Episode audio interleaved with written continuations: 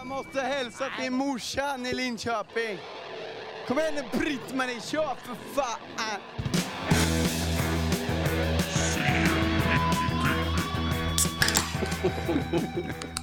Lätt. Det är så kärlek. Plötsligt händer det. C90-podden är tillbaka efter evigheter av eh, tröstlös väntan. Välkommen Metallica Fredrik Brolin. Tackar, tackar. Starkt, starkt, starkt. starkt. Och välkommen såklart Niklas Müller Hansen. Tack, tack, tack.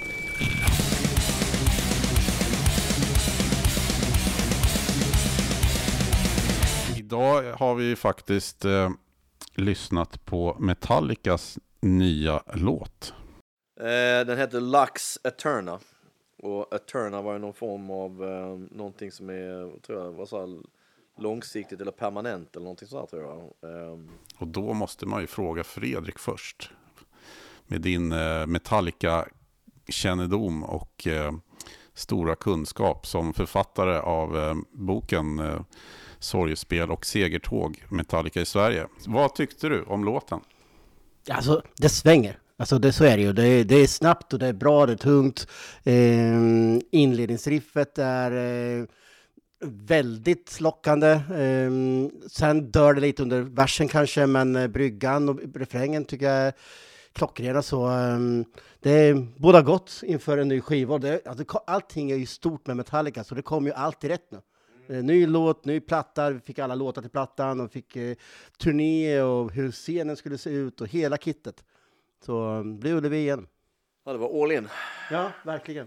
Sen förstår jag inte den gula färgen, för gult är fult. Så, Så det, är det. Så är det. Jag får lite striper vi, vi bara. Ja, så jag undrar om, om skivomslaget kommer att vara sådär att det är gult och, och svart liksom. Men det, ja, ja, kör på det. Det, det syns ju.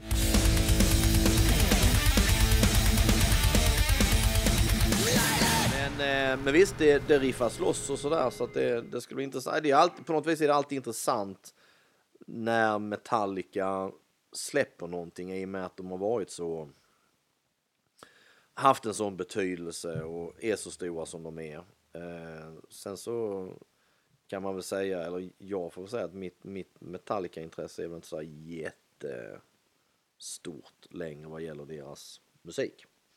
Men eh, visst, vi får se vad som händer. Det är inte mer med det. Ja, definitivt. Och eh, jag menar, oavsett vad man tycker och tänker om eh, Metallica i dagsläget så man kommer ju aldrig ifrån de man intervjuar som har eh, växt upp på 80-talet. Alltså Metallica var ju the shit. Absolut. Och nu är, eh, nu är pappa hett nyskild och så nu jävlar så nu, nu risk för tillbakagång till koks och, och sprit alltså. Det nu ska han ut och leva livet igen. Ja. ja, vi får se vad det blir. Ja, jävligt intressant. Han har ju varit ganska tråkig eh, länge, eller hur? Eller hur? Ja, gud ja.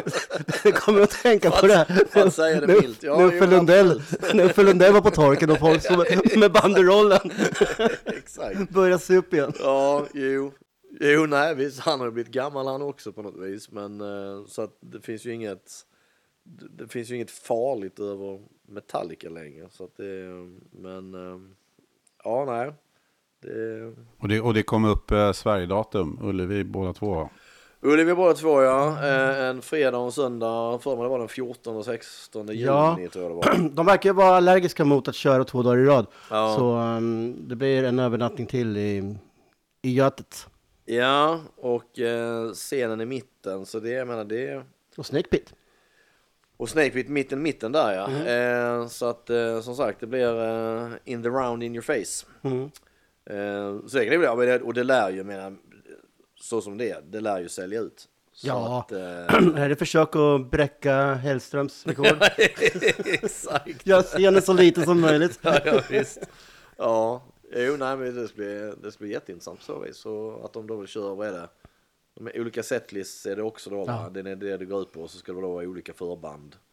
Eh, som kör ju likadant över hela Europa och de datum som var i USA också. Så att det, Och eh, nya Pantera var väl i, på en del datum i USA tror jag. Och här var det Five Finger och Volbeat och Ja. Wolfgang Van Halen bland annat. Mm. Rätt så um, bra idé ändå det här med olika setlist eh, med tanke på att eh, då blir det roligare för dem som är där båda kvällarna. Och det är väl. Ja, och sen, sen undrar man alltid vad det ska bli. För sen, det är ju precis som det här när man... Eh, Ska önska. Och, Ja, var ni på Stockholm Fields? Jag kommer inte ihåg, var, var du på Stockholm Fields när de spelade med... Du var där? Ja, ja. Ja. De hade någon Man slags wishlist. Ja, man skulle önska, man, man eller man, man eh, knappade in via, jag vet fan vad man gjorde. Var Man kunde gå in och rösta på en hemsida. Ja, så var det. Och, eh, och sen kunde man smsa in en, på tre låtar tror jag det var, eh, vilka som skulle vara eh, något extra nummer och sånt. Ja, för det var ju redan det man fick gå efter någon, det fanns en lista redan, Ja. var det inte så? Vilket Ja. gör ju också att, det är klart, då har de repat in, de får Ja, ja, repa det också. Men, men då blir det ju, det, det blir ju inget, det var ju ingenting man var exalterad över, för det blir ju ändå någon trött låt som de har kört tusen gånger tidigare. Så Det blir ju en greatest hits. ja, men det blir det. Majoriteten det, av eh, fansen liksom gillar ju Ja, hitsen. det är ju det som är problemet, att du har alltid den där lilla skalan med alla band. Det är likadant med Kiss, liksom, som vill höra såna här, eh, vill höra de svåra låtarna. Men det är ju alltid det är en sån liten skara som vill det. Stora, stora massan vill ju bara höra det de har hört på radio och sina Spotify-listor och allt vad det är. Så att det Ja, vi som vill höra Deep Cuts, vi får sätta oss i en mörk källare. är lite så. Lite så. Man kan ju hoppas nu när han är, när han är nyskild att han bör svära igen. Alltså. Ja. Man, man saknar ju fuck yeah motherfuckers eh, James. Han var en annan människa då. Så är det bara. Så att, eh, ja. Nej men det, man får väl lyssna några gånger till och eh, tänka efter sådär. Eh, Men visst, det var ju liksom, det var ju bra fart i låten Definitivt. på så vis. Så att det, det är ju alltid någonting. Men den eh, senaste albumet, Hardwired to Self-Destruct, Destruct, hur många ja. år sedan är det nu? Sex år som tror jag. Mm. Och det- Ja, fasen. Det är, är långt alltså. Tid, Väldigt, väldigt tid- långt. Hur många gånger var de här? De spelade... Vad var det? Oj. Fem konserter här? Nej, två på Globen. Och eh, Ullevi. Eller kanske bara var det. Sen var jag nog inne på andra ställen. Ja, det måste jag tänka. Eh. Ja, ja, ja. Just det, jag var ju på en i Globen ja. Ja, Det var då de hade de här kuberna i... och det var ju redan 2018. Just det. Och så hade de ju redan kört ett varv tror jag. I, eh, Ja, De började ju på Royal Arena där. ja just det, just det, just det, just det, just det, just det. Ja, ja visst. Nej, men det, det blir kul. Se vad det kan vara. Det, man får se om man, man står där. Ja, Det är typ samma helg som eh, Copenhagen för mig. Yes. Mm, så att det, det krockar upp så vis. Om man ska bege sig till Danmark istället. Innan, innan dess är det ju, det är väl typ andra helgen i juni och sen börjar redan på onsdagen, eh, har jag förstått, Sweden Mm. Rock Festival. Som har, eh, slår ju på ganska stort nu ju. Ja, man har ju bränt en hel del pengar där. Ehm, ja, och och just det att, att Mötley Crüe, Def Leppard spelar ju redan på, jag tror båda spelar redan på onsdagen. Är det därför den är förlängd eller var det snack innan om den?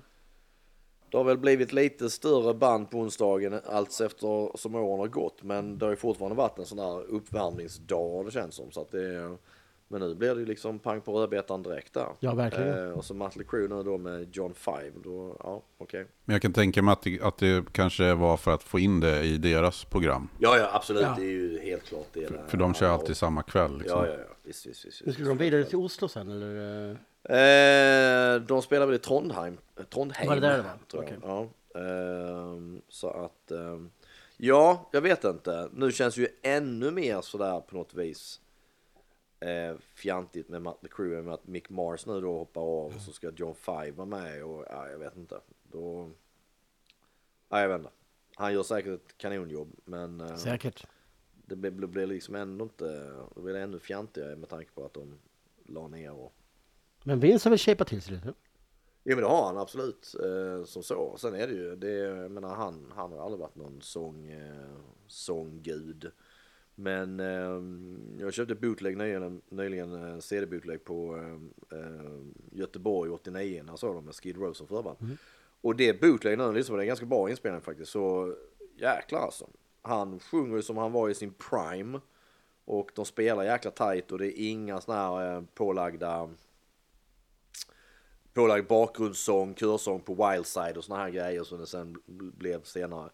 Eh, så de låter jäkligt tajta faktiskt. Så gigget låter mycket roligare än vad jag upplevde det som på plats. Jag tyckte de var skittrötta och, och att Skid Row som sagt, som vi väl har sagt till att de blåste blåste de av scenen helt klart. Men eh, på booten så lät de förbannat bra alltså.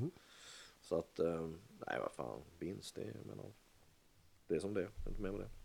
Men det kan ju bli bra. Det är, jag menar, det är en stark line-up de har också med dem och sen Ghost och Testament. Testament var det nu som kom ja och, och allt vad fan det är Maiden. Ehm, så att det är stora namn så jag menar Ja. det Sweden Rock lär sälja ut igen som det har gjort de tidigare åren. Ja, definitivt. Och sen, men sen om vi återgår till Def Leppard, de körde ju 19 va? Var det?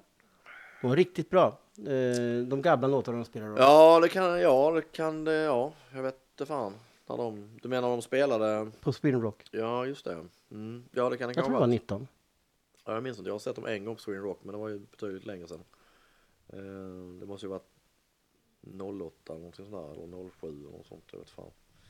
Jo men Def Leppard det är ju ändå de också, jag menar de har hållit på så jäkla, de är ju ändå, de är så tajta nu och det, Mm. det sitter, de låter väl oftast bra live liksom. Sådär, så att.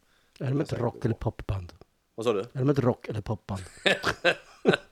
Ja, ja, det är en bra fråga. De själva säger pop. ja, jo exakt, exakt. Det, det var bland det bästa jag hört på länge faktiskt. Du berättade häromdagen Niklas att Dennis Lyxzén Ja just det.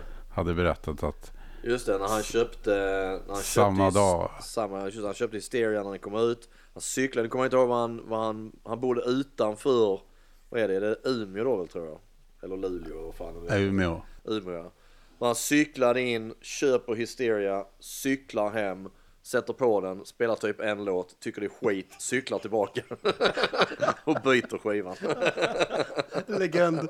Det, det är så talande för, Absolut. för jag, jag kan ju förstå att liksom reaktionen. Ja, ja. Även om man själv inte reagerade lika starkt då. Nej. Nej, ja, jag, jag älskar den plattan. Sen påstår min gamla polare att, att vi tyckte inte Animal och så här var bra, men ja, jag vet inte. Jag känner som att han ljuger rätt ofta, för att jag minns ingenting. Jag har för mig att jag tyckte det var jävligt bra faktiskt. Jag tycker fortfarande Hysteria är, är jäkligt bra. Den fick lite draghjälp över att det var första skivan med eh, trummisen tillbaka med bara en hand och spela med, eh, med pedal. Absolut att det gjorde en del grejer, helt klart. Eh, sen är den ju, den är för jäkla tight producerad av, av Matt Lang och sådär. Så att det, och det är väl lite det tror jag som, om man nu tar också som, som Ghost, som också eh, headlinar väl en av kvällarna på Sweden Rock. Att det känns lite som att Tobias Forge måste ju vara någon sån här Matt Lang kille. Eh, för det är liksom det han gör med Ghosten är ju också så här, han har nog en jäkla tydlig bild av vad det ska vara och jag också när pratade med, vad heter det, Fredrik Åkesson från Opeth i, i um, somras på Sweden Rock och han lirar gitarr på plattan, då sa han det också att det var, det var så jävla många lager av gitarrer och sådär eh, som höll på med och det känns liksom att han är ute efter lite samma grejer på något vis. Att eh, det ska vara jävligt tajt och snyggt och, och sådär. Men han gör det ju bra. De, de var ju redan tidigt, redan på liksom eh, High and Dry, som ju är deras andra fullängdare, liksom The Flappard, så är de ju, de har ett eget sound med körerna. Absolut. Och, det- och det lyckades ändå låta okej live, liksom. Oh ja, oh ja. Trots att det måste ha varit rätt jobbigt, liksom, för att det blir ett ja. jädra körande på typ alla i bandet. Ja, liksom. ja, ja, ja, ja, ja. Sen så kändes det som att det gick till överdrift liksom när det skulle vara... För min del så stod det stopp med Pyromania. Ja, Alls samma här. Sen, sen tyckte jag att det blev för överproducerat och det var nästan inte, en del låtar är ju nästan inte låtar utan det är mer så byggen i produktion på något Jo, sätt jo, med sam- visst. körer och samplingar och sånt här. jo men det, så ligger det nog en del i det. Men det, ja, jag älskade Paramania det, och eh, gör än idag. Men just Hysteria, jag vet inte. Det, alla låtar är ju inte liksom superduper eh, bra. Men jag, jag gillar den ljudbilden. Det är liksom, jag vet inte. Man skulle vilja höra den där Jim Steinman versionerna som de gjorde med honom som de har hävdat kommer aldrig någonsin att se dagens ljus. Men det kul att höra vad det var liksom. För han är ju också en sån. Om man tänker Matt Lang så är Jim Steinman ju också det han gjorde med, med Meatloaf och sådana grejer. Det är också sådär svulstiga produktioner. Så, liksom, Ja. så att, Ja, det är en bra tidsdokument för mitten av 80-talet. Ja, verkligen. Och Joe Elliott hade liksom världens ballaste jävla hockeyfrilla alltså. Han hade ju hockeyfrilla om någon. Sån jävla lugg liksom och så bara hängde ner sån jävla klase av hår där bak. Tog till en ny nivå. Helt fantastiskt. Men det är också man, just som jag men, som har sagt att han var ju, han var, ehm, han var ju tydligen nykter under Hysteria-turnén. För Joey Tempest sa att han var också nykter. De, de turnerade lite tillsammans ju. Och det, det är också så här jävla intressant att tänka, vad fan du är på din du är på din liksom, absoluta peak när världen ligger för era fötter liksom. Och eh, nu ska man inte sådär men jag menar det måste ju ha stått måste ju ha stått damer på kö liksom eh, och allt sånt där. Eh, och man bara tänker det är ju ett, det om något när du är på din peak måste, det måste ju finnas ett festtillfälle 15 gånger om dagen liksom. Definitivt. att fira saker och ting liksom. Så att det är, det är jävligt strångt om du lyckas lyckas liksom hålla dig borta från det där. Man måste bli konstant eh, exponerad för allt möjligt som... Ja, och sen har du sådana som Steve Clark och sådana utan gick all in kanske. Så att, ja, det är jävligt Han intressant. tog Joes också. Ja, antagligen. Antagligen. Det Phil Collen var ju hans dryckesbroder. Ja. De, de började ju kröka direkt på morgonen. Exakt. Och sen blev ju efter att Steve Clark, kanske började innan, men när Steve Clark tyvärr gick bort där så Ja. tror jag att han fick sig såklart en tankeställare. Och, och nu är han ju så här renlevnadsmänniska och Gud, liksom ja. ser ut som... eh, Äckligt vältränad. Ah, Fy satan. Han, det är synd att säga att han uh, gillar att ta sig tröjan liksom. Eh, Det gjorde han redan innan. ja, det är han och Matthew McConaughey liksom. Ja. Det är varenda tillfälle som ges så är det av med tröjan liksom. Men om man, är man så jävla välbyggd så det är ju snyggt. Men det där som du var inne på med Europe, det där är ju lite så här eh, sorgligt med Europe. Att de, de var ju, när de turnerade ihop med Def Leppard gick det ju så fruktansvärt bra. Ja. Eh, för att det blev ju ett väldigt bra paket liksom, Absolut. eftersom de var så pass stora i USA. Det var där Absolut. de turnerade. Så att de skulle ju fortsätta turnera med Leppard. Exakt. Exakt. Men valde att bryta, hoppa av turnén. För att de, de hade en stor turné på gång i Ryssland tror jag. Och, eh, som så här, de skulle turnera på ställen där ingen annan hade turnerat och skulle få liksom multum pengar. Så de hoppade av turnén. Sen blev det ju ingenting med det Nej, där. jag tror det var något sånt där. Och då hade ju Def Leppard tagit in andra. Exakt. Så då hade tåget gått. Absolut. Och sen dalade ju direkt då, tappade ju Ja. liksom skivan. Nu, nu kanske den hade gjort det ändå, men eh, det var nog inget bra för karriären beslut. Nej, nej, nej, för det var nog, det var nog en bra jäkla, det var nog ett bra liksom sammankoppling de två banden just då liksom. Det är en hel drös med hårfagra killar liksom Ja. som båda har en, en riktig jäkla hitplatta i bagaget. Mm. Det är fan, det måste varit magiskt alltså. Men, men man, men, och, man tänker återigen, om det var så liksom Joe Elliott och, och då Joey Tempest båda håller sig borta från allt så tänker man ändå så här, fan undrar det gör i ett band också. När du är på en sån topp så det förväntas ju också att du ska prestera. Och du turnerar så in i helsike. Ingen vidare sån. När du liksom, kanske har några i gänget som sen bara krökar sig in i helvete och sånt där. Det måste vara som uppgjort för att det ska bli en jäkla massa gnäbbande och Ja, Dels så måste det ju nästan vara separerad från, från varandra på ett sätt. Att det, Ja. bara, det är bara liksom ett professionellt åtagande att vi Ja. åker runt tillsammans. David Roth och Van Halen eh, Ja, eller Guns, Guns N' Roses. grejen. Ja, exakt. Men, och det tror jag, det är väl inte särskilt bra, det håller nog inte i längden. Liksom, Nej, i, gud nej, det tror inte jag heller. Det är... Men det är återigen det där, man, den där fantasibilden man hade liksom. Att Mhm. När alla kom hem från turné så bodde de i samma hus och ja, Precis. liksom, Såklart de bada, gjorde ba- det. bada i poolen tillsammans och hade fester. Så det, liksom, det, men eh, ja, nej. Det, Jag menar, dricka på turné och sånt, eh, måste ju ta, pengarna till det måste ju tas någonstans ifrån. Är det bara bjudsprit hela tiden? Ja, det är klart. Jag tror det är väl klart att det, eller framförallt på 80-talet var det nog mycket, mycket mer att det bjöds på saker och ting. Det tror jag. Men det är ju samma som man läste om, om när Guns N' Roses och Use Illusion turnéerna och liksom spelar för utsålda hus överallt och stadion så hela skiten. Och det är väl Duff McKagan igen som skriver eh, i sin bok eller fan det är att de kommer tillbaka så bara liksom de har inte tjänat någonting. Att alla, alla liksom, alla sådana här, eh, alla såna här lyxjakter de var ute på, alla helikopterturer och allt jävla liksom fester, alltså alla de pengarna togs från dem. Men det fattar de liksom Ja. inte. Så att det, Och, och är det då den snubben, som, den ensamma snubben som har varit nykter under hela resan? Ja. Så, och, kommer hem och, och ändå är helt Fan, jag pank. skulle åkt med på den här jävla helikopterturen. Fan alltså. Förbannat. Ja, exakt. Ja, nej visst. Ja, det är fascinerande. Fan alltså. Otroligt. Men finns det inte något så här klassiskt att Axel skulle ha något eh, backstage-party där det var liksom en liten orkester som spelade. Och Jo, men de hade liksom, sådana tema, Vart var det? temapartyn. Och det var ju Axels, tror jag, Axels bror. Och eh, som, som var den som var chefen nu är det. Eh, Spinal Tap eller vad? Ja, och då, för de hade så här, de hade ju någon så här uh, Toga-party och jag minns när de, när de var i New Orleans så ska de ha haft någon typ av eh, tema och så här. Sen så jag minns att jag, jag frågade Gilby Clark om det, men så då sa han det också, det var det var inte så att det var varje kväll, utan det var i vissa städer så här liksom. Men det var det verkligen så här, det var ett liksom, tema och en tanke bakom det och så här. Det är klart att det kostar en jävla massa pengar. Så att, ehm, Ett annat bra exempel på det där, det är ju Kiss och Gene Simmons när de turnerade med Ace och Peter Criss. och- Ja, ja. Nej men det, är- det, är man, ändå så här, jag menar det är allt sånt där, man, sånt, det syn, sånt ser man inte längre. Det är, men jag tror just på 80-talet med den, som man alltid kommer tillbaka till, den, den, den dekadens och just, precis som Guns-låten Anything Goes, för det var nog det också. Det, Och man tänker så här, fan det, det fanns ingen metoo och hela den grejen och allt, all liksom, det var all in på allt.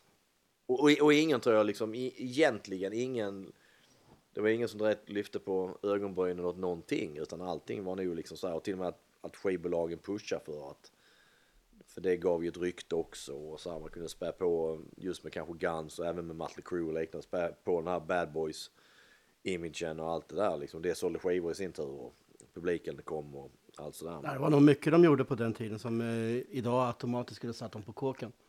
Ja, gud ja. Absolut. Och, och eh, ja, nej, det, det är bara, det är liksom en, det, det är en fascinerande tid och sen får man ju ta det för vad det var liksom. Det, jag vet inte. Men det, det är en intressant tid samtidigt. Man vill ju läsa sådana stories. Så vill Det, det, det, det, det är ju inte mer med det. Det, det, det är ju roligt att läsa om en tid där, där på något vis allting var accepterat.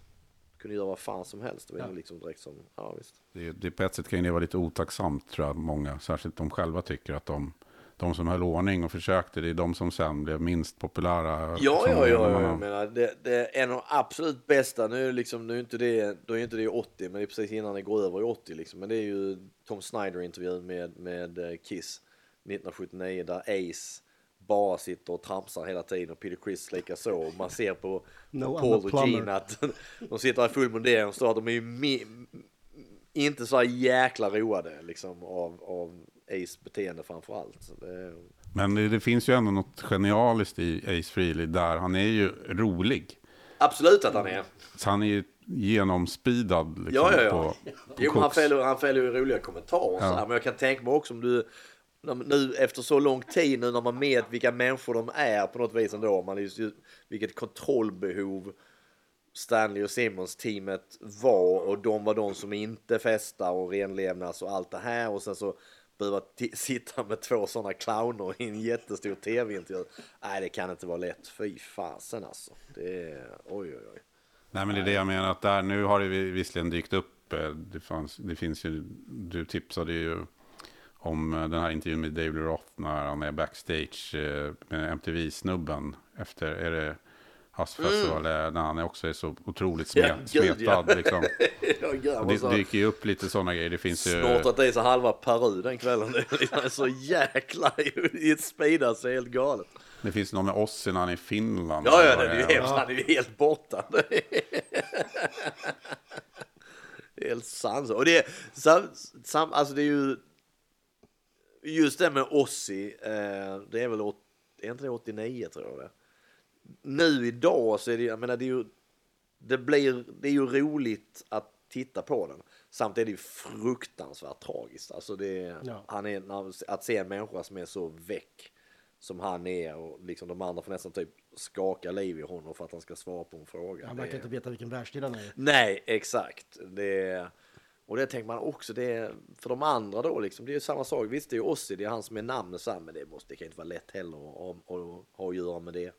Och ni vet att ni ska gigga liksom och han vet knappt vad han heter. Men det, ja, så är det väl. Ja, nej. Vad annars hänt i hårdrocksvärlden? Ja, vi eh, har ju varit faktiskt på party tillsammans här för ett par veckor sedan. Gud ja. Eh, Candlemass releaseparty på, på eh, vad hette det nu då? Bio, Bio Aspen. Bio Aspen. I Aspudden. Ja, Det är i Aspudden det händer. Det är så det är. Tydligen. Du hade ju fan gångavstånd hem.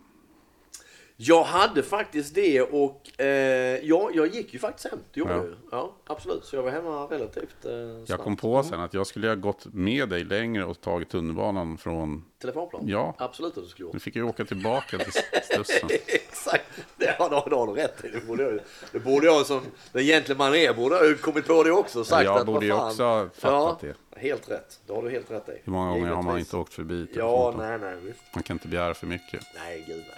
Nej, men det var en, det var en trevlig, eh, det var en trevlig kväll. Det var det verkligen. Ja,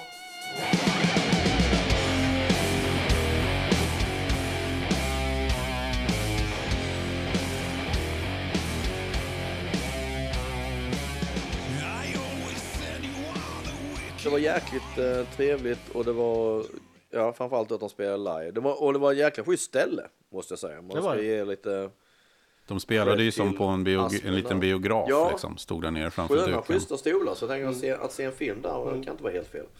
Eh, Ehm, Bara en ny låt eh, spelade de. Eh, ja, just det.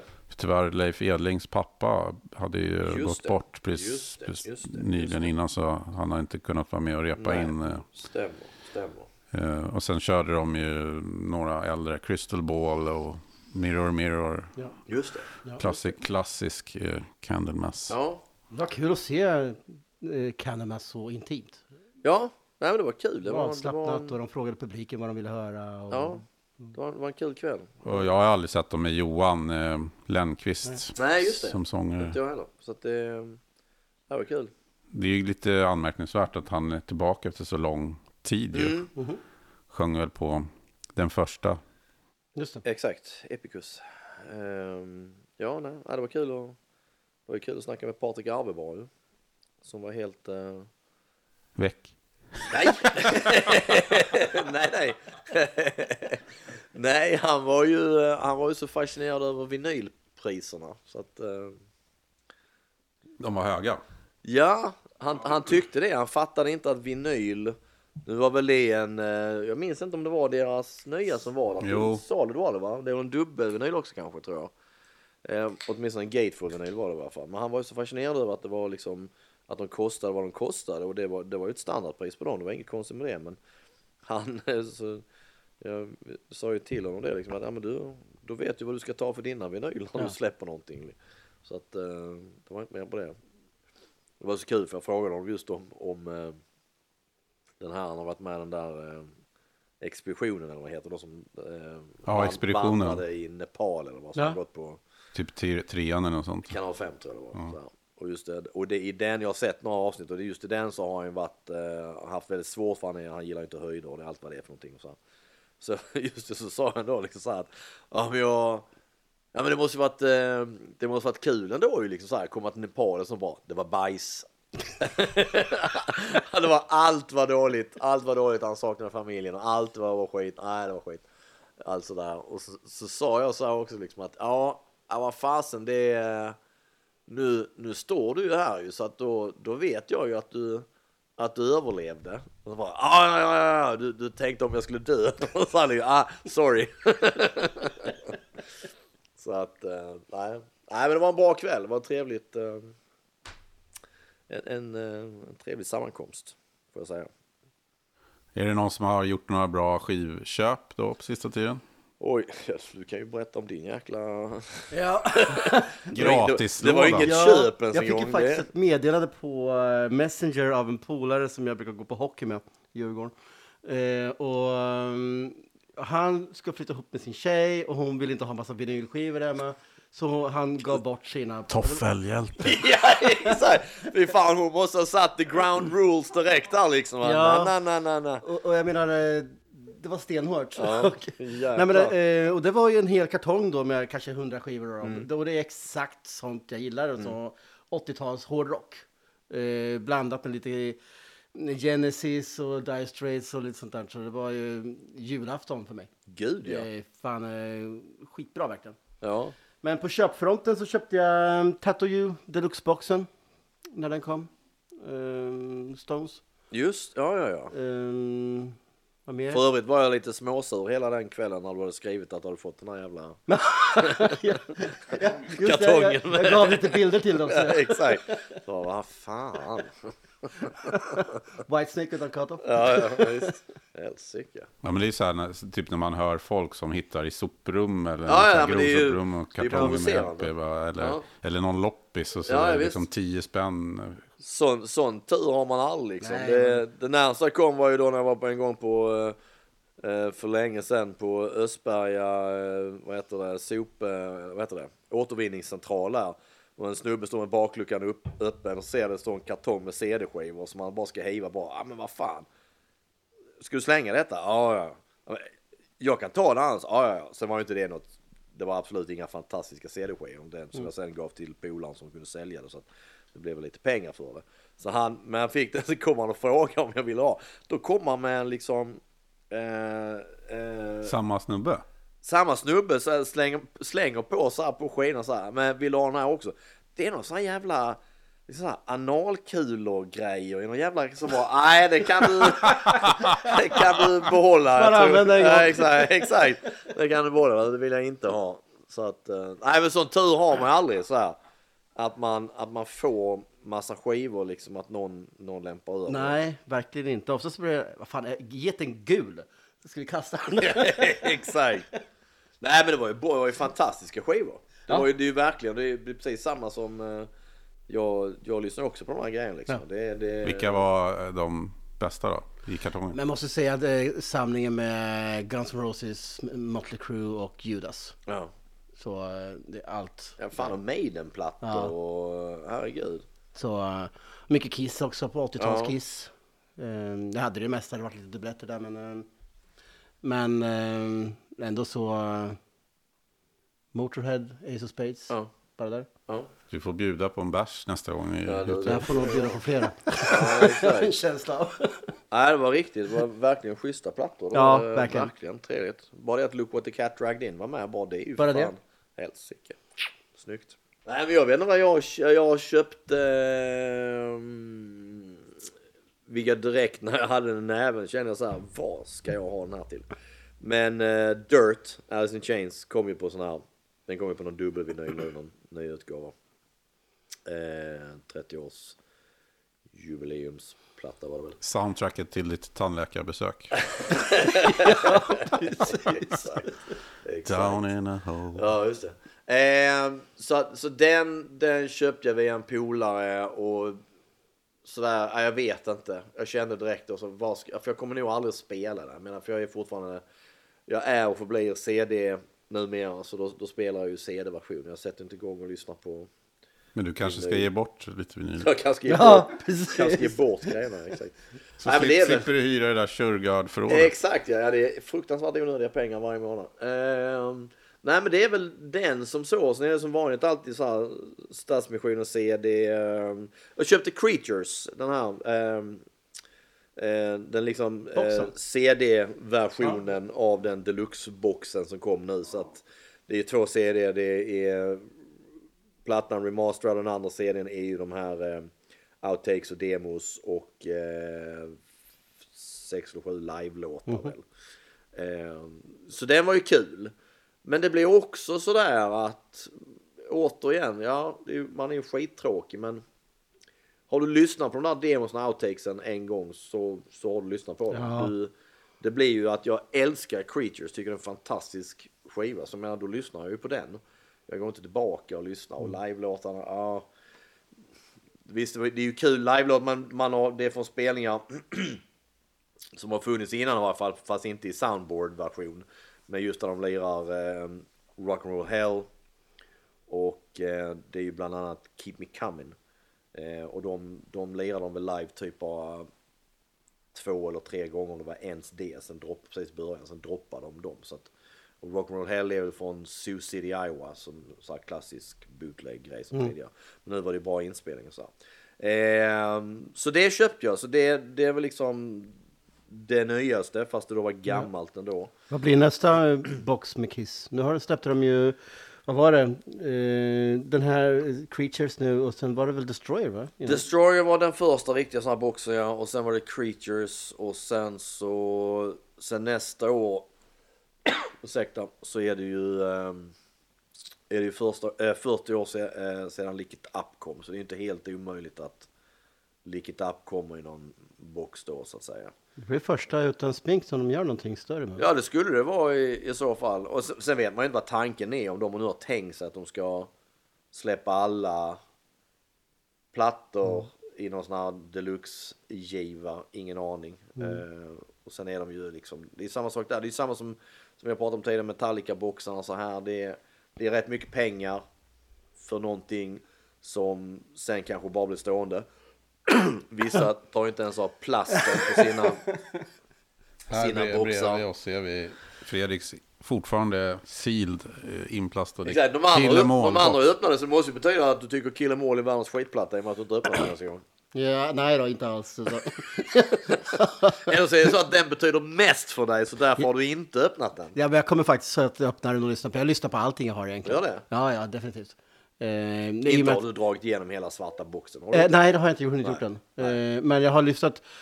Jag var ju tvungen att se på min premiärkonsert med Metallica från eh, Gentofte. ja, ja, ja, ja. Flera gånger. Så Jag har bara sett det sen vi hade den där. Eh, när vi eh, satt allihopa Ja. eh, och, och tittade på det. Så sen, sen har inte jag... Jag fick ju på gammal pisskopia i nästan bara någon vecka efter konserten. Ja. Någon som hade filmat med för hand och, och eh, den glodde man ju på hundra gånger. Är inte den som är, vilken är det som är, är det den som är, det finns någon version från Getofte väl där det är typ filmat som det är som genom en kikare? Ja, jättemärkligt. Är det det? Ja, precis. Och, Ja. sen, eh, och sen har du några som är fem, eh, fem eh, kameror. Version också. Jaha, Men så, okej. så här bra bilder visste jag inte ens att det fanns. Nej, Det var nej. någon, någon tv-inslag som har varit massa, några minibilder ifrån. Men, eh, Exakt. minibilder, mini-inslag. Ja, men detta är väl taget från, eh, de hade väl, eh, hade de inte skärmar? Det hade de, väl. hade de, hade de skärmar på Gentofte? Ja, det hade de. Det måste de ha haft va? Ja. Så det är väl taget från den feeden som de har kört Ja. rakt av liksom. Ja, nej. Det, det, nej men det är väl kul med boxar så här. Det är ju sånt där man, man vill ju att, att det är kul att Kiss äntligen har tagit sig till sans och gör de här grejerna när det är massa demos och grejer med. Sen är det väl fortfarande så att man känner när det väl kommer att ja, det är ju jättekul för de som gillar det. Själv så blir det så här, ett, det är skitmycket pengar, två, ja, jag vet inte. Man lyssnar på det en gång, sen har man lyssnat på det. det Ja, Jag tycker också det. Alltså, Guns N' Roses har ju tagit det till sin spets. Svindyra. Eh, just det, de kom också nu, Use Illusion. Ja. ja. Men de... Bara de live-grejer på den ju. Var ja, men precis. Men deras demos tycker jag oftast är rätt bra. Mm. Eh, som de hade även på Appetite. Ja, ja, den köpte jag någon sån. Jag köpte någon CD-versionen av den liksom. Eh, Appetite-boxen. Men det var samma. Man sitter och bläddrar igenom den där boken som hör till och så lyssnar igenom alla skivor en gång Ja. att ha gjort det. Sen, sen har ju inte jag plockat fram det igen liksom. Det, det blir så. Som Lemmy sa, the chase is better than the catch. Ja men det är ju det. Och det men, men, och sam, plus att det är någon form, form som det här att man, man köper sig lite glädje. Även om det är tillfälligt att vara Ja. i 24 timmar så är det någonting att man köper den och man sitter och tittar på det och sen så ja, ställer man in det i hyllan. Det är. Så att det, ja, I bokstavsordning. Exakt. Exakt i bokstavs... Klart i bokstavs. för fan. Någonting annat vore helt galet. Bokstavsordning och kronologiskt så är det bara. Ja, det så är det. Annars hittar man inte. Ja, Vi har ju faktiskt pratat om eh, att vi skulle ha ett, ett tema på det här eh, avsnittet. Mm. Jag vet inte hur det gick med det. Men. Niklas, du eh, skulle ju berätta om en eh, ny box faktiskt. Och en ja, tillhörande bok va? ja det, den, den, eh, den kommer eh, släpps som... Den släpps på vinyl och... Jag tror bara det är vinyl kanske. Jag vet inte om den släpps på CD. Men eh, den heter ju Bound for Hell on the Sunset Strip. Och så kommer den som, jag tror det är... jag vet inte vad det var, om det är tre tre om det är fyra vinyler eller om det är... Uh, ja, jag kommer faktiskt inte ihåg, det är mindre viktigt. Uh, eller om det är två vinyler. Men, eh, och så till det är det en, en bok med mycket foton och det är flyers och det är livebilder på de här banden som är med i boxen. Eh, och de flesta fotona tror jag är då tagna av Kevin Estrada som är en, får man ändå säga en ganska, han är väl inte känd som, man tänker uppe där med Ross Halfin eller Neil Slowsour eller de här andra som var på 80-talet eller svenske Micke Johansson eller någon sån där men han är ändå ganska så erkänd då. Så hans, det bygger mycket på hans bilder. Han gick väl på mängder av de här banden och det är den liksom den tidigare delen av Sunset Strip. Jag har för mig att de skriver att den sträcker sig från typ om det är från 77 till 83 eller vad det är sånt där. Så att det är, det är ju innan det blir det här glammiga med hårspray och spandex och liksom allt det där. Så det är, det är, det är flera band som man absolut eller absolut, men som man aldrig har hört talas om och som aldrig blev någonting. Och sen en del band som, som Black and Blue och Bitch, um, Steeler med Ron Keel då, Yngwie Malmsteen, um, Armored Saint är med uh, och sådär. Så att, och, och, saken är att många av låtarna låter ju faktiskt ganska bra. Jag älskar den typen av, av hårdrock. Det är ganska okomplicerat och ganska rakt på och så här. Och, eh, många av låtarna är man känner att ja, det här, det låter ju inte sämre än mycket annat av det som kom ur, ur Sunset Strip sen och det som faktiskt blev stora band så att säga. Det finns absolut flera låtar som man tycker att ah, men det här mm. Det är riktigt bra. Så att, um... Men Sunset Strip är ju då, det är ju en gata i Los Angeles, Hollywood. Ja, det är ju ganska liten, liksom, det är ju inte så här jättemycket eh, egentligen. Den, den, om man ska utgå från den längden på den och de, de klubbarna som är där, de har liksom kanske Whiskey Go-Go är väl den som är en av de stora och sen så har du ju Troubadour ligger ju på någon sidogata och, och sådär. Men um, Rainbow Bar and Grill. Rainbow Bar and Grill, absolut. Men det var väl mer, det är väl liksom inte så mycket spelställe va? Nej, det är mer ett hak där man, där man samlades och sådär. Och det blev man, många man pratade med så var det att man samlades på parkeringsplatsen utanför så att säga. Men när man pratar med de här, jag intervjuade Ron Keel och intervjuade hon Betsy Bitch här nu för några veckor sedan. Och då när man pratar med dem så är det så här, så här men hur var, var det verkligen så här som man kan se på en del dokumentärer som var från den tiden att det bara det kryllar folk överallt, alla ser likadana ut, tjejer och killar ser likadana ut och det är hår och det är spandex och fan hans mormor. Och de, de säger ju det att det var ju faktiskt så att det var så liksom under, under veckodagarna att det var och alla var ute och satte upp sina jäkla flyers och det var band som spelade hela tiden och mängder med band som aldrig blev någonting som man aldrig hört talas om.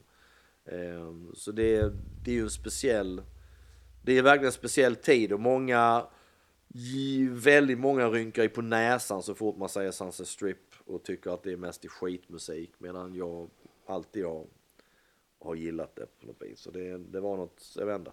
Det var, det var också någonting med det här att det var det här eh, androgyna på något vis och det och Sunset Strip blev väl liksom hela eh, ja men det, det blev synonymt på något vis som att det var så 80-talet var just med hur alla såg ut och klädde sig och så här. Och, eh, men eh, så en intressant tid, även om, om den här boxen nu kanske utspelar sig lite före det riktigt gick all in på allting så att säga.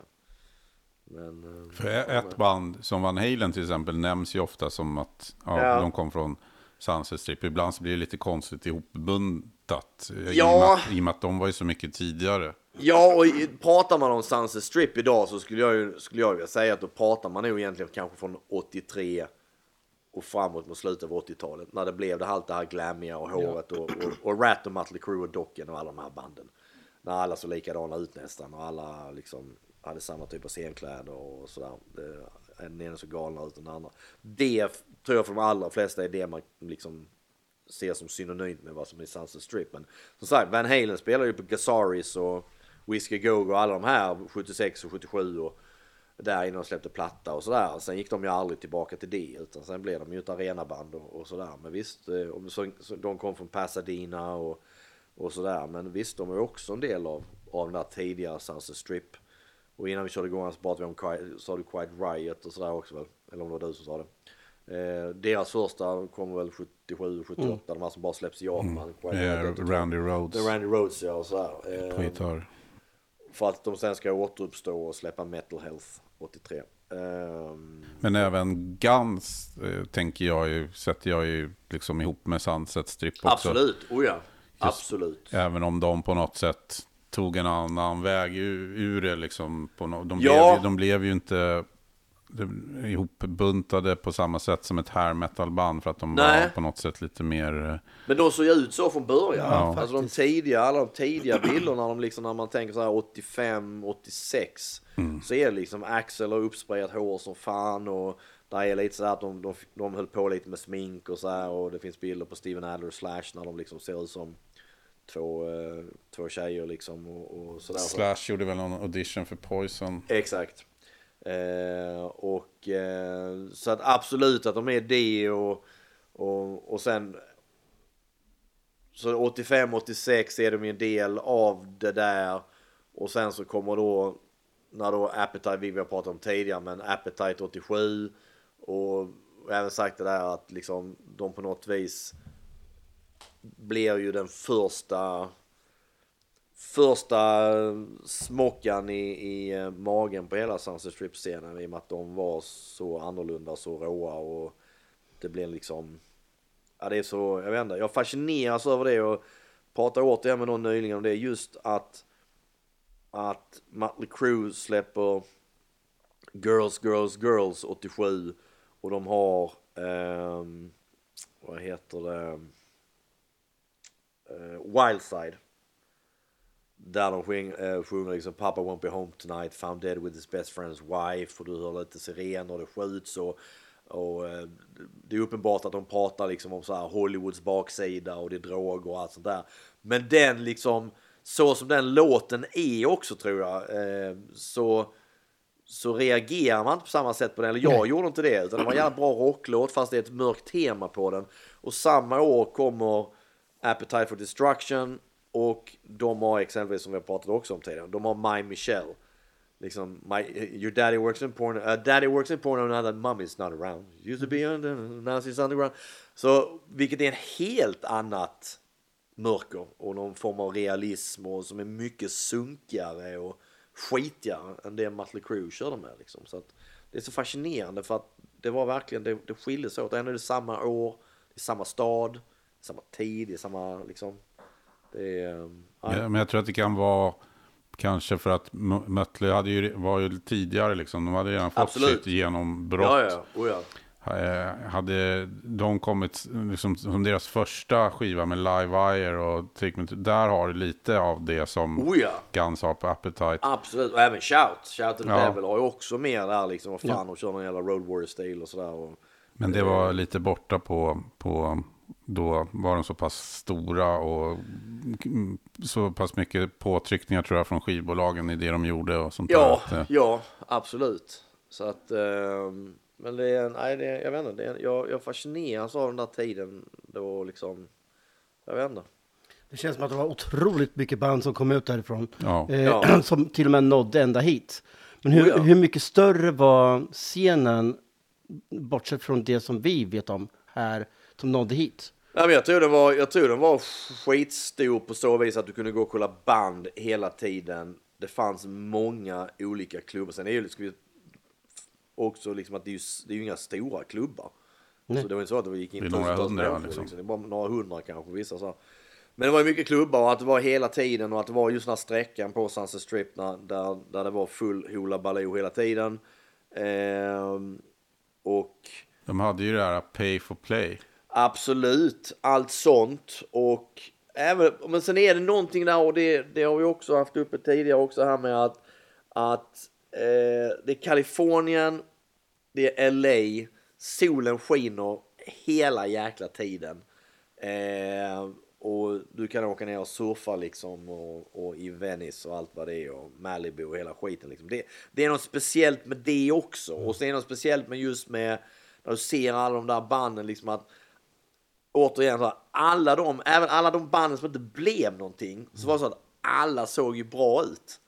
Så galna hår, liksom, galet hår de än hade och allt så, här, så alla såg bra ut. Alla var solbrända, flesta var vältränade och så här. Och samtidigt tittar du liksom då på, på liksom den engelska scenen New Wave liksom där bara arbetarklass alla är bleka och Nej, det var inte många man skulle klassa som att de var snygga liksom. Det fanns, det fanns väl ingen i Saxon som kunde gå, gått under den benämningen att de, oh, kolla, snygg. Gick det bara diagonalt över USA upp till New York så var det en helt annan scen. Ja, absolut, där också. Man, man, ser med Anthrax och allt det där som Ja. kom där sen liksom. Det, det är samma sak där. Så att, jag tror att just med Kalifornien, det, det måste vara så mycket av det och hur det livet är. Att du bor i ett liksom en, du bor i ett konstant solsken i en jättestad där det är, och där du även har filmindustrin och allt det där liksom det går, det går ihop och och sådär och det är mycket liksom att det är pengar och det är stora hus och det är swimmingpool och allt. Jag tror det ger någonting också det där som gör att det blir så eh, speciellt och så annorlunda mot hur det var någon annanstans. Kanske framförallt England då.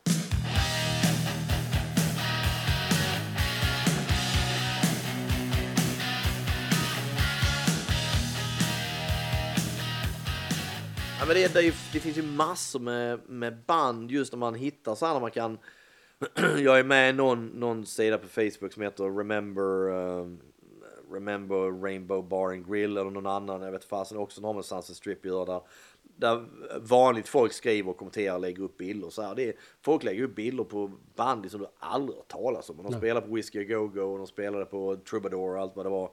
Eh, blev aldrig någonting. Ehm, och det är skitkul att sitta, sitta liksom, när man hittar så här gamla flyers för band och det är liksom bara band som du känner liksom att Jesus, det blir aldrig någonting av dem. Det är, och ändå lirar de hela tiden. Och, och just så här, Odin är ett av banden som är med på den här Sunset Strip-boxen och, och de är med i den här Decline of Western Civilization Part 2 och där framstår de som att, och de pratar själva om att fasen de är på gång, de ska bli det här nya liksom. Blev inte ett skit av dem. Nej. Kom ingenstans och sen har de säkert låtar och så som var helt okej men det blev liksom ingenting. De flesta band blev ju ingenting av. De som blev var ju, det var Mötley Crüe, Rat, Docken i viss mån, Eller Grans. LA Guns, ja, och sen kommer Guns N' Roses och sen så, och då har Quiet Riot där i början, men Quiet Riot dalar ju rätt fort. Poison. Poison, eh, exakt. Eh, jag menar Quiet Riot går 83 från att vara den första hårdrocksskivan med Metal Health som, som når första platsen i USA till att redan på Condition Critical som följer upp den, bara, redan där dalar det ju och sen så de kommer aldrig tillbaka. Ja. Mycket kanske då på grund av Kevin DeBruce som, snack, DeBruce som snackade skit om alla men men eh, Men om, om man ser eh, Guns N' Roses som en stor kontrast till den här hårscenen som var, så kom ju grungen sen. Och Ja. gav en punkspark som de inte reser sig ifrån egentligen. absolut, jag menar jag Lite som tror det. punken gjorde mot diskon och det progressiva Absolut, absolut. på 70-talet.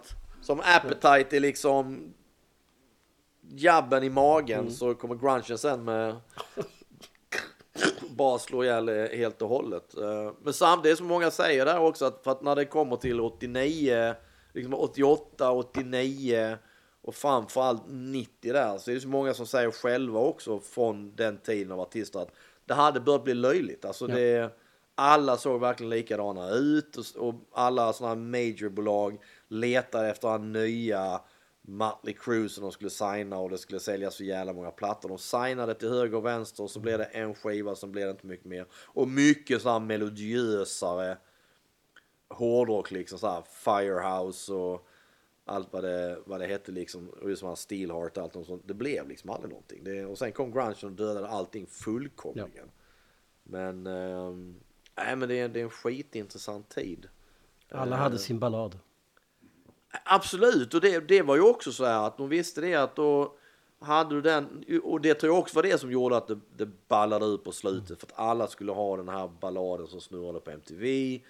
Och hårdrockare är ju oftast då mästare på att göra sådana här powerballader Ja. som faktiskt är, liksom alla lyckas snicka ihop någonting som faktiskt är jävligt bra. Snurrar som fan på MTV, de spelas på radio, de har egentligen så att folk upptäckte, och det som var mest var ju då att tjejer upptäckte det, tjejer började gå på gig och med tjejerna kom killarna.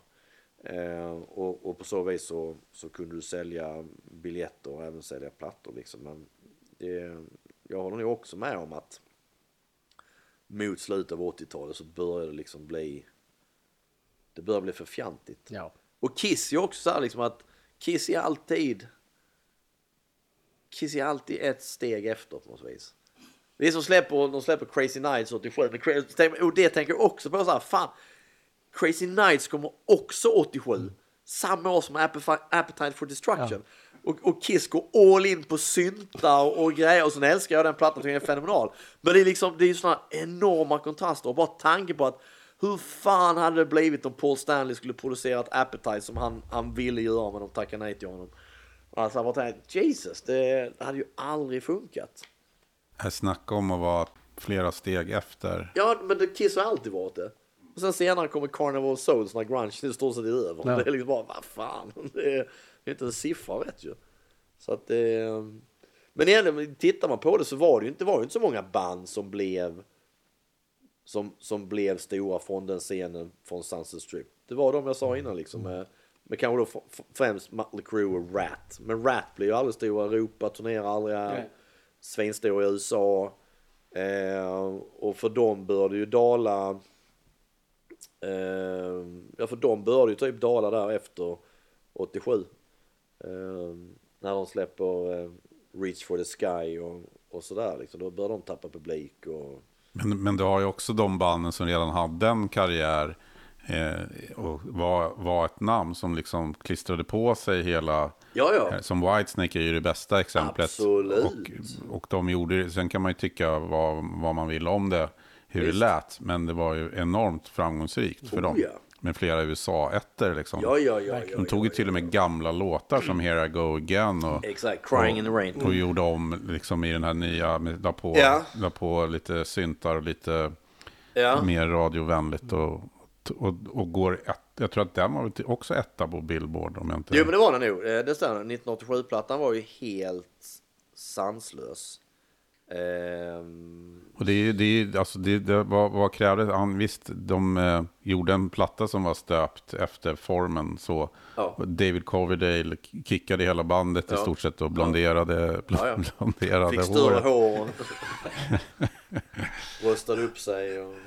Det är, det är väldigt stor skillnad mot när man ser så här Whitesnake typ 1980 när de står liksom med Mickey Moody och de här och lirar Ja men det är mycket blues. bluesigare, exakt. Det är, det är liksom en, men mer, det är mer hårdrock då. Sen, sen, samma sak där. Älskar 1987-plattan. Jag tycker den är helt fantastisk. Ehm, Och de men- var ju, alltså det, de här vi- videosarna, Still of the Night, här, det är något fruktansvärt poserande. Alltså det är värre än här. Tony, ja ja, och så Tony Kitain som ligger liksom över bilarna och, Ja. och, och liksom sådär. Hans, hans dåvarande... Men det var ju liksom det som sålde. Eh, se bara Judas Priest. Ja. När eh, under live... Ja. Halford i hockeyfrilla, vad hände ja, Och, eh, Underbart. det pratade vi om i Judas Priest. eh, Att, att det, det, eh, det var ju enormt alltså, opassande när Metal God kom där. Ja, och någon jävla rock. eh, det, ja, nej. Men det är samma, jag, jag älskar den plattan också. Herregud. Jag gick, Ja, och, köpte, jag gick och köpte en lång, eh, lång sån här svart trenchcoat. För jag har sett någon bild där eh, Rob Halford hade det. Jag gick omkring med den i Ängelholm. Tyckte jag var så jäkla cool. Eh, och uppkavlade armar skulle man ha också. Det var ännu fräckare. Så, men det är samma sak, jag älskar den plattan också. Och tycker Turbo är helt fantastisk. Men man kan även se att det är det är samma grej där. Att har du varit, jag menar jag gillade Judas Priest innan men man, man var ju betydligt mer jag vet inte. Man var mer påverkningsbar och sådär och jag tyckte Turbo var en skitbra platta för den har jäkligt många bra låtar. Men jag kan tänka mig också, var, var du då sådär die hard Judas Priest-fan där liksom Screaming for Vengeance och Defenders of the Faith var det du liksom, och även de mer gamla klassiska plattorna så visst det kan inte vara lätt att helt plötsligt liksom fan det är syntar och grejer och det är liksom, Ja, de ser ut det- som docken i kläderna och jag vet inte. Ja, det var inte så jävla lätt. Men sen kom ju Painkiller Ja, och liksom räddade livet på absolut. Absolut, verkligen. Judas Priest. Ja, men det är... Kan man lugnt säga. Ja. Ja. ja. Nej, men det, det är... Jag vet inte. Whitesnake är, är jäkligt intressant. Ja, det var Dumbo Scorpions. Vad sa du? Dumbo Scorpions som kunde anamma det här på, på Ja, sätt. ja, Scorpions gjorde ju också det, Ja. det bra, men där blir det också så här intressant. Man tänker liksom så här, just man tänker fan, Whitesnake, han har ändå haft, menar, David Coverdale med Whitesnake har ju ändå haft framgång innan 1987. Slide It In och Saint Sinner och Men inte i närheten av den nivån ju. Nej exakt, men man tänker ju ändå liksom så här, men det är ju liksom fan, fan så. Men han, han har ju liksom sagt det, han hade ju skulder på 3 miljoner dollar fan va? När, när de skulle liksom, liksom spela in 1987 och, och sådär. Och sen blev det ju en toksuccé så då har man möjlighet att betala tillbaks det där men det... ehm, Vad ska jag göra? Jag pentar håret. Ja det funkar ju. Ja, Och så blir jag tillsammans med en brutta som har varit runt lite i, i, eh, i, i Hollywood och gammal flickvän till Robin Crosby, Rat och uh, fan vad mer hon hade varit ihop med. Tony Kitain, hon var ihop med någon annan också. Eh, Men även ett sånt band som Accept blev ju också påverkad av det här. Efter Russian Roulette, Ja. så nu när man läser intervjuer med Udo så säger han ju att ja, men han, hade, han ville eh, sluta och han hade tänkt göra det innan och allt Ja. möjligt. Så här. Men jag tror att det var någon deal där som gjordes. För att de var, låg ju på så jävla mycket skivbolaget då när de ändå hade, sålde ju en hel del skivor. ja, ja. Men de tyckte ju då att Udo och eh, hans eh, framtoning var ju inte säljande och gångbar liksom om man såg hur David Coverdale såg ut. Liksom. Nej, exakt. Så de tog ju in en amerikansk eller brittisk sångare. Han. David Reese. Ja, Det är den Eat the Heat. IT hit Den som ja. Wolf Hoffman anser vara den sämsta acceptplattan. ja. kan nog stämma bra. Och han såg ut som en övervintrad Ja, ja, ja. pudelrockare. Absolut. Och det ser inte klokt ut. Och så Nej, nej. på skivomslaget så, här, så har de någon slags fotbollsuppställning när han Ja, så här, ligger som en exakt. målvakt Ja, framför dem. exakt. Ja, det, man tänker så här, Jesus, ni måste ha haft något möte någonstans och tänkt så här liksom, vad ska vi ha på omslaget? Ja men det här blir jättebra. Billigt och bra. Det cracket var jävligt starkt. Ja, exakt, jävlar liksom. Ja, går till Sverige till exempel så har vi ju Sweden, eh, Sweden Metal Aid eller Ja, Swedish exakt. Metal Aid. Eh, där var ja, eh, hår och uh, hårsprays och det. Ja, Ja men om man tänker tillbaka på det så även då när det var, det var stora uppslag i Okej och såna här grejer så redan då minns jag liksom att vad fan, ett, jag hade ju inte koll på alla de som var där. Nej, Eh, och jag lyssnade inte för jag, på den tiden så här, ja visst. Europe så men jag, alltså jag lyssnade inte på Europe. Treat, jag gillar ju Scratch and Bite. Men jag, redan efter Scratch and Bite, första plattan med Treat så, jag menar jag lyssnade ju inte på Treat efter det. Eh, och brydde mig inte om dem. Ehm, Nej, men jag tror att det var ju ganska många rätt så okända band med där. ja, absolut att det var. För Eh, ryktet hade väl gått och så de ja, hörde ja, väl ja. av sig och de bara, "Ja, men kom ni, vi behöver en stor kör. Liksom. Nej, ja, visst, visst, visst, vad fan.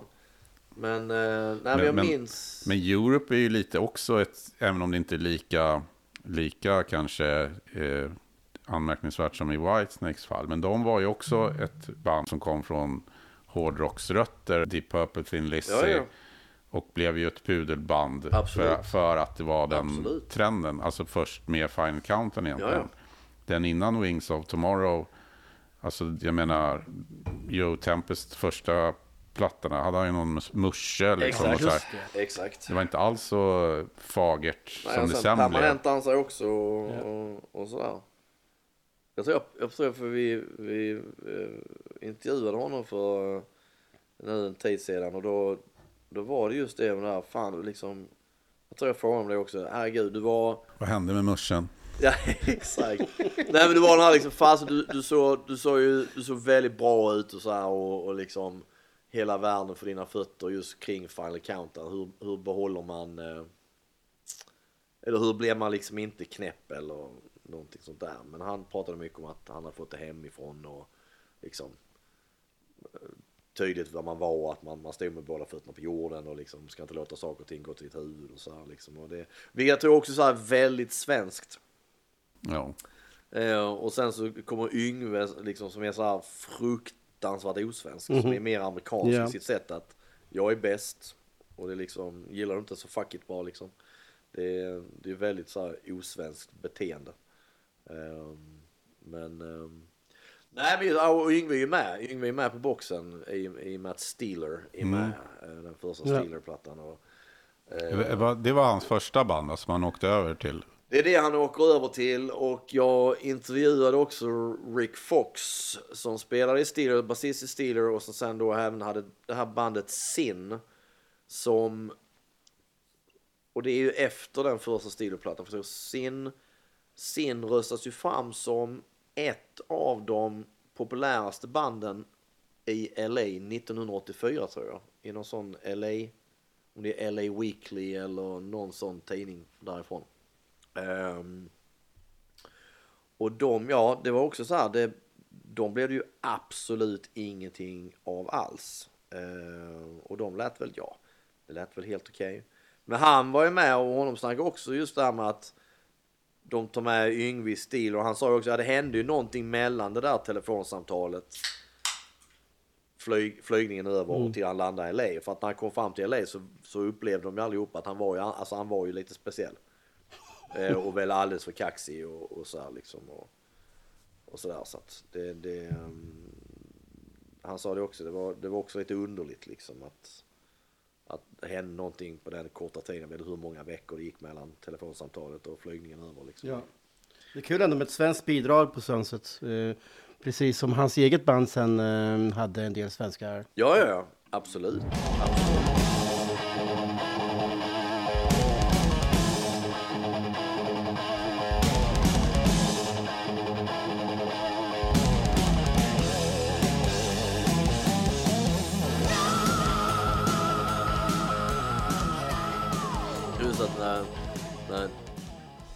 Och David körde hit så sa det att jag hade varit och, jag var och såg den här ehm, eh, Alex Bergdahl hade föreläsning i lördags i Stockholm på biografen Sita, Sita om, om Jeans eh, 80-tals Hollywood-karriär.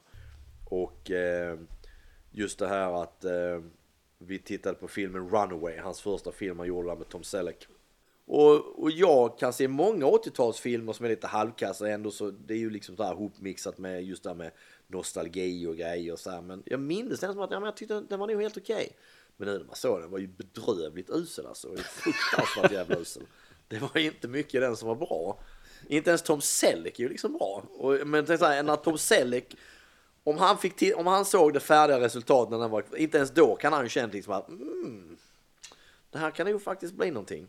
Det var liksom så jäkla taffligt skådespel och jag vet inte, vilket också är det där med 80-talet, där det är ju liksom, man har hela tiden, eller jag har ju hela mitt 80-tal, det är ju liksom, ligger i något sånt här fluffigt rosa moln som att allting var fantastiskt och, och det är ständigt som vi pratade om tidigare också, den ständiga brottningsmatchen med nostalgin liksom att är det bra eller är det bara för att jag liksom minns min barndom och allt annat som hör till och det, på så vis blir det bra. Så att jag, hade, jag gick nog dit med förväntning om att jag skulle tycka att Runaway faktiskt var helt okej. men det var jävlar alltså. Den hade inte åldrats. Ja, ändå finns det ju, finns ju mängder sådana som jag, jag älskar. Um, St. Elmo's Fire. Jag älskar Breakfast Club. Eh, jag älskar ehm, Back har to the men- future. Här om natten. E.T. Eh, Ja, men så här, det finns mängder som jag tycker fortfarande, och som jag har sett om på senare tid, verkligen att ah, fast de här håller fortfarande, de har någonting. Runaway hade inte det, så att det, det var verkligen jävlar. Och det var väl ändå hans största film. Det, det var det absolut. Det var, det var hans största. Eh, sen efter den gick det ju. Alltså han, gjorde, en- han gjorde den här Wanted Dead or Alive med Rutger Hauer och ehm, ehm, men, men det var det liksom. Det var, nej fy fan den var bedrövlig alltså. Helsike. Jag tycker fortfarande Back to the Future är eh, bäst från 80-talet. Ja gud ja, de, är, de kan jag säga tusen gånger om. Jag tycker de är helt fantastiska. De har åldrats med värdighet. Ja, absolut, speciellt den första. Fantastiskt Ja, bra ja. än idag. Och det är också någonting med att det är liksom hela stilen i dem eh, som var så fantastisk. Men det vet jag om att Back to the Future har visat för elever. Mm. Kanske de senaste tio åren har ni visat vid något tillfälle. De är ju inte imponerade.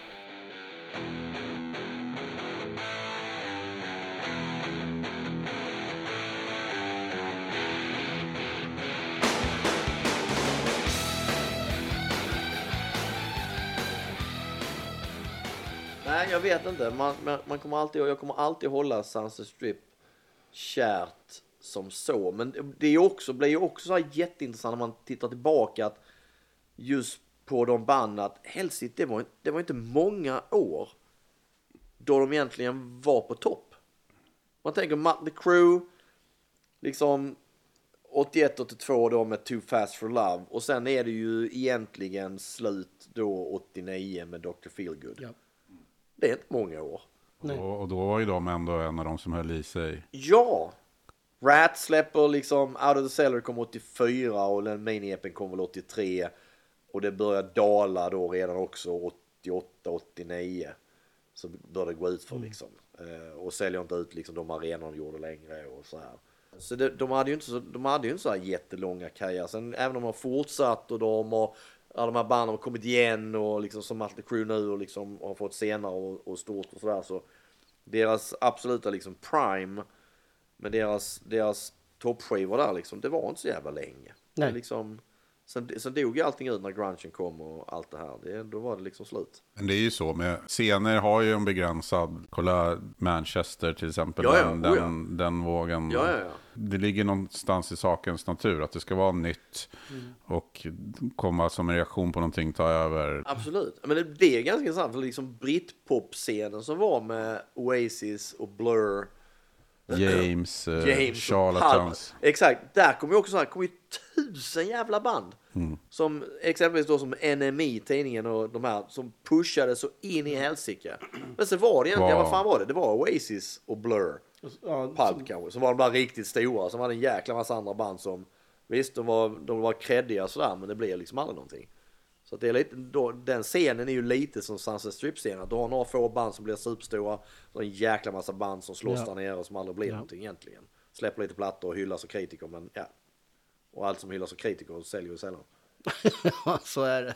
Jag vet inte. Men vad finns kvar idag egentligen? Rainbow Bar and Grill finns ju kvar, ställena finns väl kvar några? Ja, den finns kvar. Troubadour eh, tror jag det finns väl kvar. Eh, Whiskey väl, Go Go finns kvar. Där liras det ju fortfarande. Ehm, så att ehm, jag tror Andy McCoy antingen har han eller så ska han lira på Whiskey Go Go tror jag. Han har ju också eh, gitarristen. Mm. Jag vet att Adam Bomb också lirar där nu nyligen tror jag. Så att ju, de, de lever ju fortfarande, men det alla man pratar om säger ju det är också att den, den, det finns ju inte den scenen i LA längre. Och nu är det också att alla flyttar ifrån LA.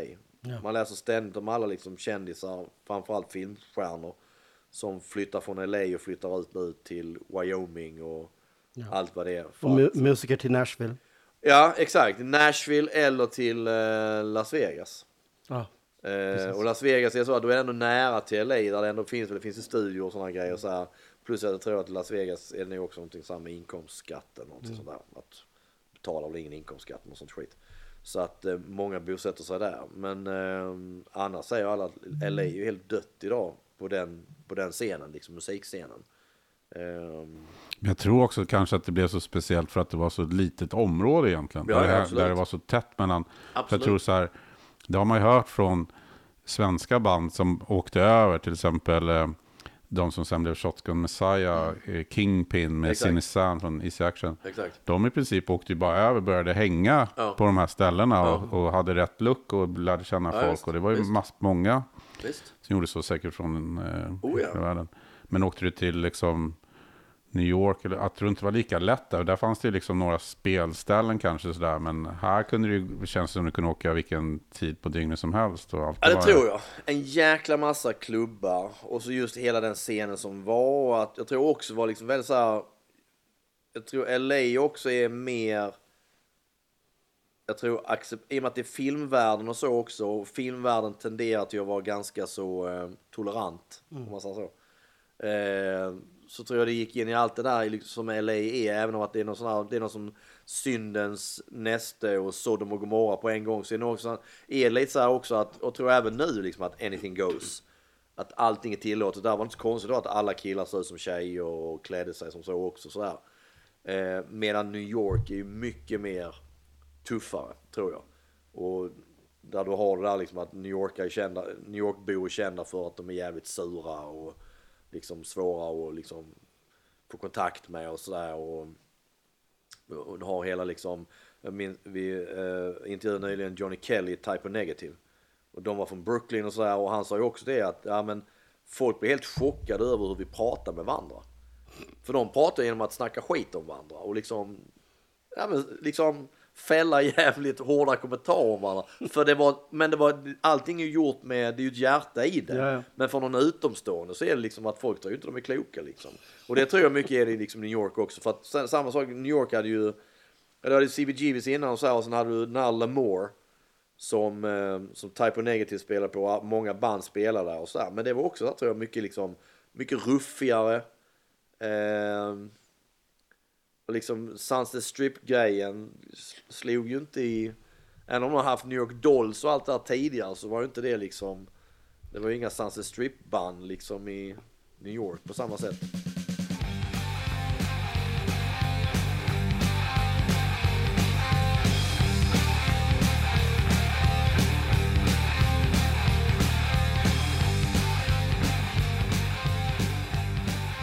Men det är samma som Icon kom och de var från Phoenix, Arizona. Men det är samma sak. De, de släppte två plattor. Det var den andra plattan är helt fantastisk. Men sen, det blev inte mer där heller. Det skets efter det liksom. Det är Kicks ifrån uh, Maryland.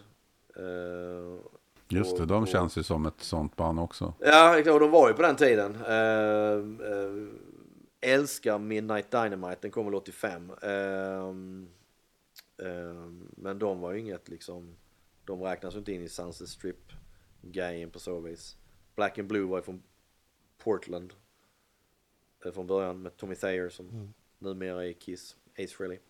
Då kommer vi ju över på nästa avsnitt av Senity-podden. Niklas favorittid i Kiss. Eh, 1984 till 92. ja, exakt, exakt, verkligen. Nej, men vi tänkte ju faktiskt prata om den. Det är ju där vi är. Vi har ju faktiskt, det är där vi har kommit fram. Om man tittar tillbaka i C90-avsnitten så Ja. har vi gått igenom de tidigare Ja, årgångarna. Så ja det, gud ja.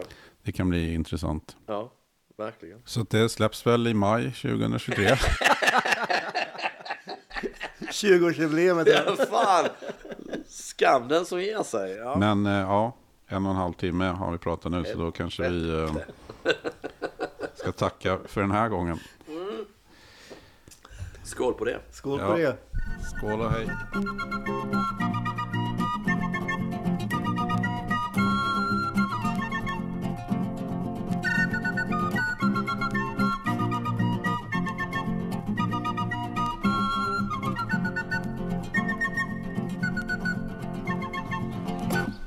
Some folks have a strange idea of entertainment.